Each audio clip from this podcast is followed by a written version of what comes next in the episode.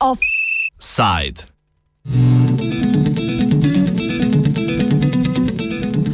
Mlini na veter.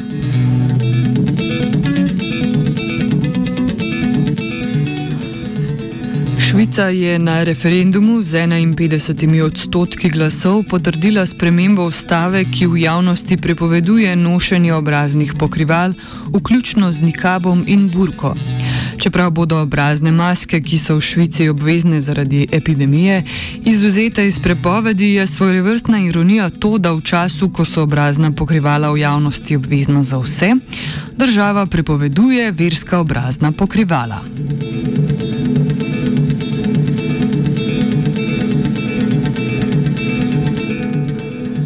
Kampanjo proti prepovedi je vodila organizacija Operation Libero, čigar so predsednik in asistent na univerzi v Neuchâtelu Stefan Manser Egli pojasnil trip kampanje. It was hugely emotional, right? From the beginning, I mean, it is a highly emotionalized topic all over Europe, of course. Um, and it was on, it was uh, laid the ground on the same on the same basis, right? I mean, they said the committee is clearly populist, right wing, Islamophobic to a large degree. It's the same that launched already the minaret ban on the same uh, premises of the discourse, um, and of course their campaign poster, for example, was a woman uh, wearing a black niqab, and you only see the eyes that look really angry. And below there was a sentence: "Stop extremism." Uh, yes to the ban we try to do a very liberal campaign in the sense uh, also quite uh, fundamentally or philosophically to say, well, what is it that a, a, liberal society has to tolerate, right? And if, if a woman from her own will, and from all that we know from social science, this is mostly the case in Europe and in Switzerland. If a woman wants to cover their, their face for whatever reason, we might not understand or we might even oppose, it is basically their right, right? Religious freedom or just personal freedom or freedom of opinion. And we need some good reasons to, to forbid it to her in, in all public space. But actually, we did not really reach the stage um, where we could have this debate, I, I'm afraid. Pobudo za referendum je dal komitej Eger Kingen, sestavljen pretežno iz članov desno-populistične švicarske ljudske stranke, ki je sicer največja stranka v spodnjem domu parlamenta in je na prejšnjih volitvah dobila okrog 25 odstotkov glasov. Leta 2009 je bil komitej pobudnik še enega uspešnega referenduma uspešnega referenduma na temo islama, ki je prepovedoval gradnjo novih minaretov. Tako takrat kot pri referendumu o pokrivalih je vlada, ki jo tvori izvršni svet, sestavljen iz sedmih članov, nasprotovala prepovedi kot nečemu, kar bi kvarilo ugled Švice kot odprte države. Ljudska stranka je v obeh primerih v kampanji nastopila z argumenti proti islamizaciji in proti ekstremizmu. Manser Egli opiše izzive vodenja politične kampanje proti komiteju Eger Kingen. The committee started in 2009 with the minaret ban when this whole talk about Islam and, and the Islamization of Europe was quite at the height, I would say, um, and the Swiss People Party was quite strong. And so they won quite surprisingly because nobody in the polls did not suggest that and nobody expected that and we did ban the minaret in the constitution by about 58% of the vote, so quite clearly. And in the meantime, um, now for this ban or for this debate, there has been quite some some opposition from from different um, fields, not from the parties. Interestingly, um, they were all afraid to burn their fingers, and they already gave the battle lost, so to say, because they thought there would be no chance. Well, realistically speaking, this was um, not really to win. So we tried our best, and many others, mainly civil society organizations, did. Um, and so now we're down to 51% of the votes. So it was still accepted, and it's still another um, article in the Constitution. But I think that we brought it down to 51%. Although many people who at the time rejected the minaret ban because it was so clearly Islamophobic and so clearly against liberal uh, ideals, did now vote in favor of the burqa ban in terms of feminist reasoning or, or security reasons. So there's many people who voted for the burqa ban but not for the minaret ban, and that in this context we could still bring the vote down from 58% to 51, I think is also a clear signal that parts of the of civil society, also of the Muslim community, um, but also of the left and of the liberals, have awakened and have seen that this is not the path, not the road we should go down. And so I think on the on this side, no. Uh, yes, of course, they already said they want to launch border attacks on the headscarf this time in schools, in public uh, buildings, and so on, uh, or on public prayer, for example. And here, I think they will probably launch the next steps in this direction, but it will be way difficult uh, to win these campaigns in the future. I think. Rezultat referenduma je razbil tradicionalno regionalno delitev na liberalnejši francoski, zahodni del in konzervativnejši nemški del. Usually we have the, the western part of Switzerland, the French part. It's usually way more leftist and more liberal in many in many senses.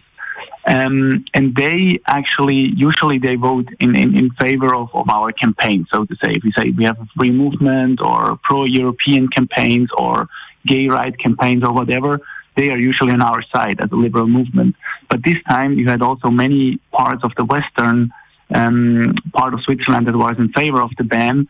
And this is because they are quite influenced by by france and their debate on islam and on laicism uh, laicite and so I think this is also this kind of this idea that you have to ban religion from public space and that it's something entirely private that was quite strong in the debate in the western part. And this is also probably also one of the reasons why we lost it finally. Telesna pokrivala za ženske so v islamsko kulturo prišla prek osvajanj Bližnjega vzhoda, saj so bila predtem del kulture oblačenja nekaterih družbenih sloj, slojev v srednjeveškem bizantinskem cesarstvu. Burka je najtemeljitejše žensko religiozno pokrivalo, ki prekriva celotno telo od glave do tav in ima na mestu oči mrežico. Nikap se od burke razlikuje po tem, da zakriva le glavo in obraz in ima na mesto mrežice odprtino za oči.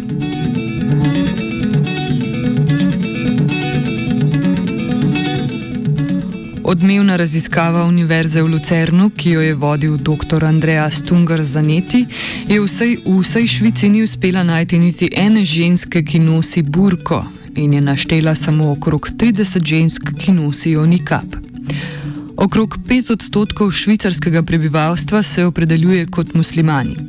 Raziskava je potrdila to, kar živimo iz drugih, bolje raziskanih zahodnoevropskih držav, namreč da je nošenje burke in nikaba v Zahodnji Evropi popolnoma marginalen pojav. Pred raziskavo je veljalo, da je nosilk omenjenih pokrival v Švici okrog 100, kar se je izkazalo za nekajkratno pretiravanje. Poleg tega je raziskava o podrobnejšem pregledu in pogovoru z ženskami prišla do zanimivih zaključkov, ki prav tako potrjujejo naše znanje o fenomenu nošenja verskih pokrival v Zahodnji Evropi.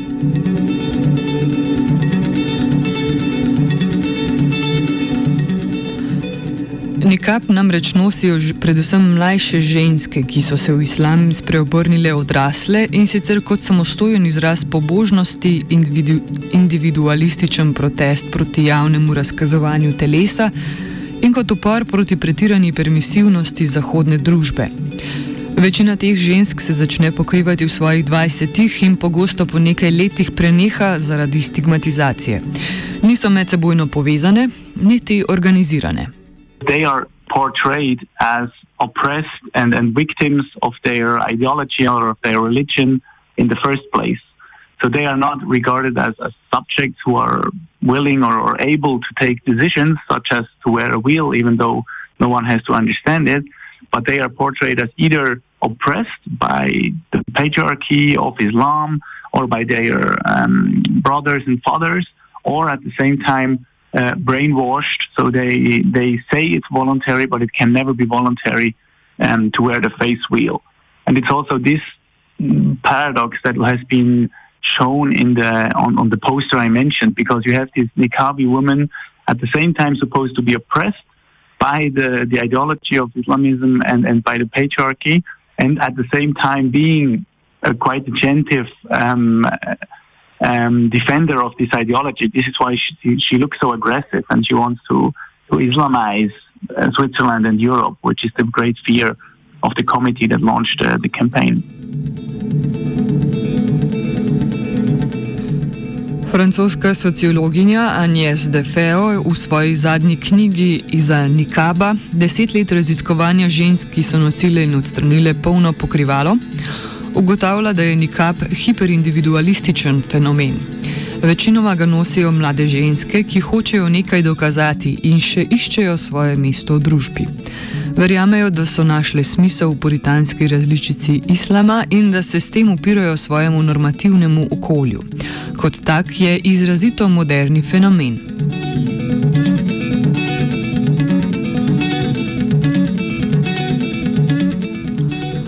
Nošenja nikaba v Afganistanu ali v Saudski Arabiji ne moremo primerjati z njegovim nošenjem v Evropi, pravi sociologinja. Tam so ženske prisiljene v to in je nošenje pokrivala torej konformistično, medtem ko je v Evropi ravno obratno in je nošenje izraz antikonformizma. Ženske, ki jo nosijo v Evropi, prihajajo iz ateističnih družin in to počnejo kot upor zoper svoje starše in širšo družbo. Poleg tega so izolirane tudi v islamski skupnosti, ki se hočejo otresti pritiska vse bolj netolerantne evropske kulture in zato pogosto niti niso dobrodošle v mošejah. Menser Egli pojasni zlorabo feminističnega argumenta v prid prepovedi.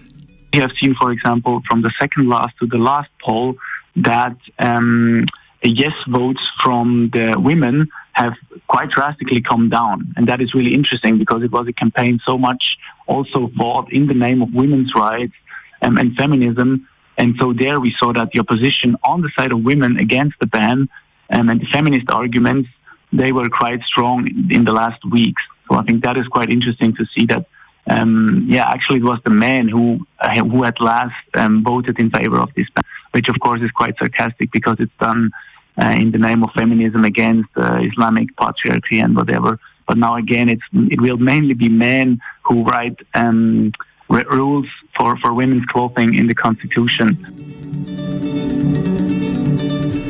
Z nedeljskim referendumom se razprava o prepovedi obraznih pokrival nikakor ne umika iz švicarske politike.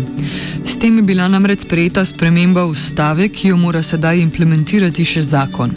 Zaradi konfederativne ureditve Švice bo to zakonodajo sprejemal vsak kanton posebej. It's going to be a mess, actually, because um, there will be 27 laws on this, one on the national level and 26 in each canton. And so, as usual, with, with the popular referendum, we can write something in the constitution, but then there needs also be a law. And then the law again can you can take up the referendum and collect 50,000 signatures if you do not agree on how the, the, constitutional article is applied. Um, and we have another popular vote on that. So this is the first possibility, I guess. And then the same is true for the 26 cantons. They will make laws um, on these on this article in the Constitution, and there again, people can take up signatures and and ask for another po- um, popular vote um, in each canton. And I think this is surely something that will happen. And then again, once the law is passed, it can be brought um, before the federal.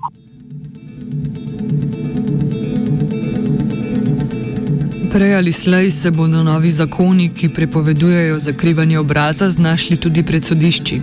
To se je že zgodilo v kantonu Ticino, tradicionalno enem najkonzervativnejših delov Švice, ki je to zakonil že leta 2013.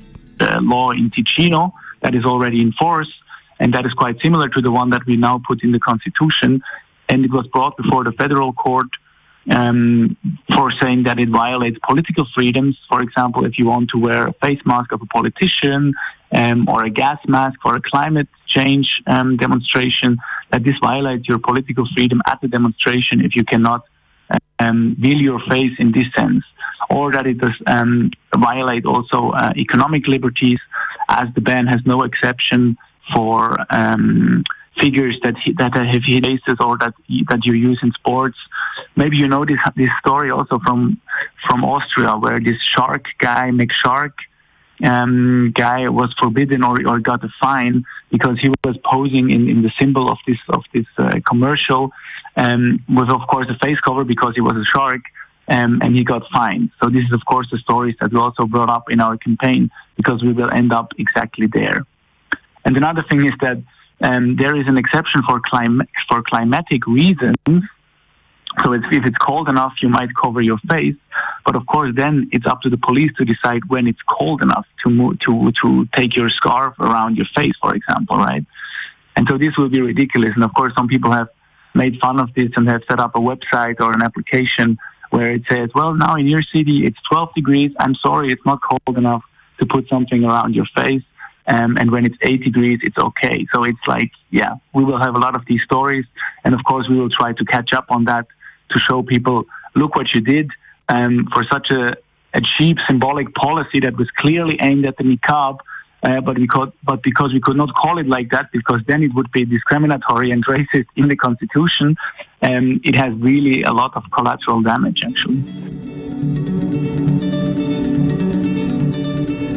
Glede na obskurnost fenomena in miniaturno število dejanskih žensk, ki nosijo po novem prepovedana pokrivala, gre očitno za obračunavanje z namišljenim nasprotnikom in bo vse, kar bo ostalo, spomin plakatov s pokritimi ženskimi obrazi, z grozečimi, namrščenimi, jeznimi pogledi s pripisom ekstremizem.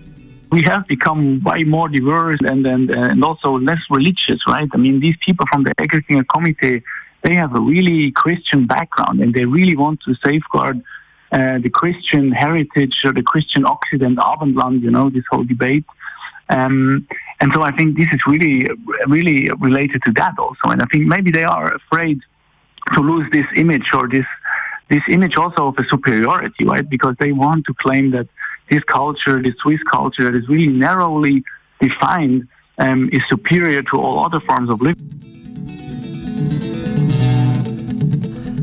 Ko 2,5 milijona ljudi volita, če lahko 30 žensk noši šalo okrog vratu, pač ne gre za nič drugega kot performativni kulturni boj, ki obračunava z mlini na veter in več pove o nesigurnosti švicarjev kot o nevarnosti skrajnega islama.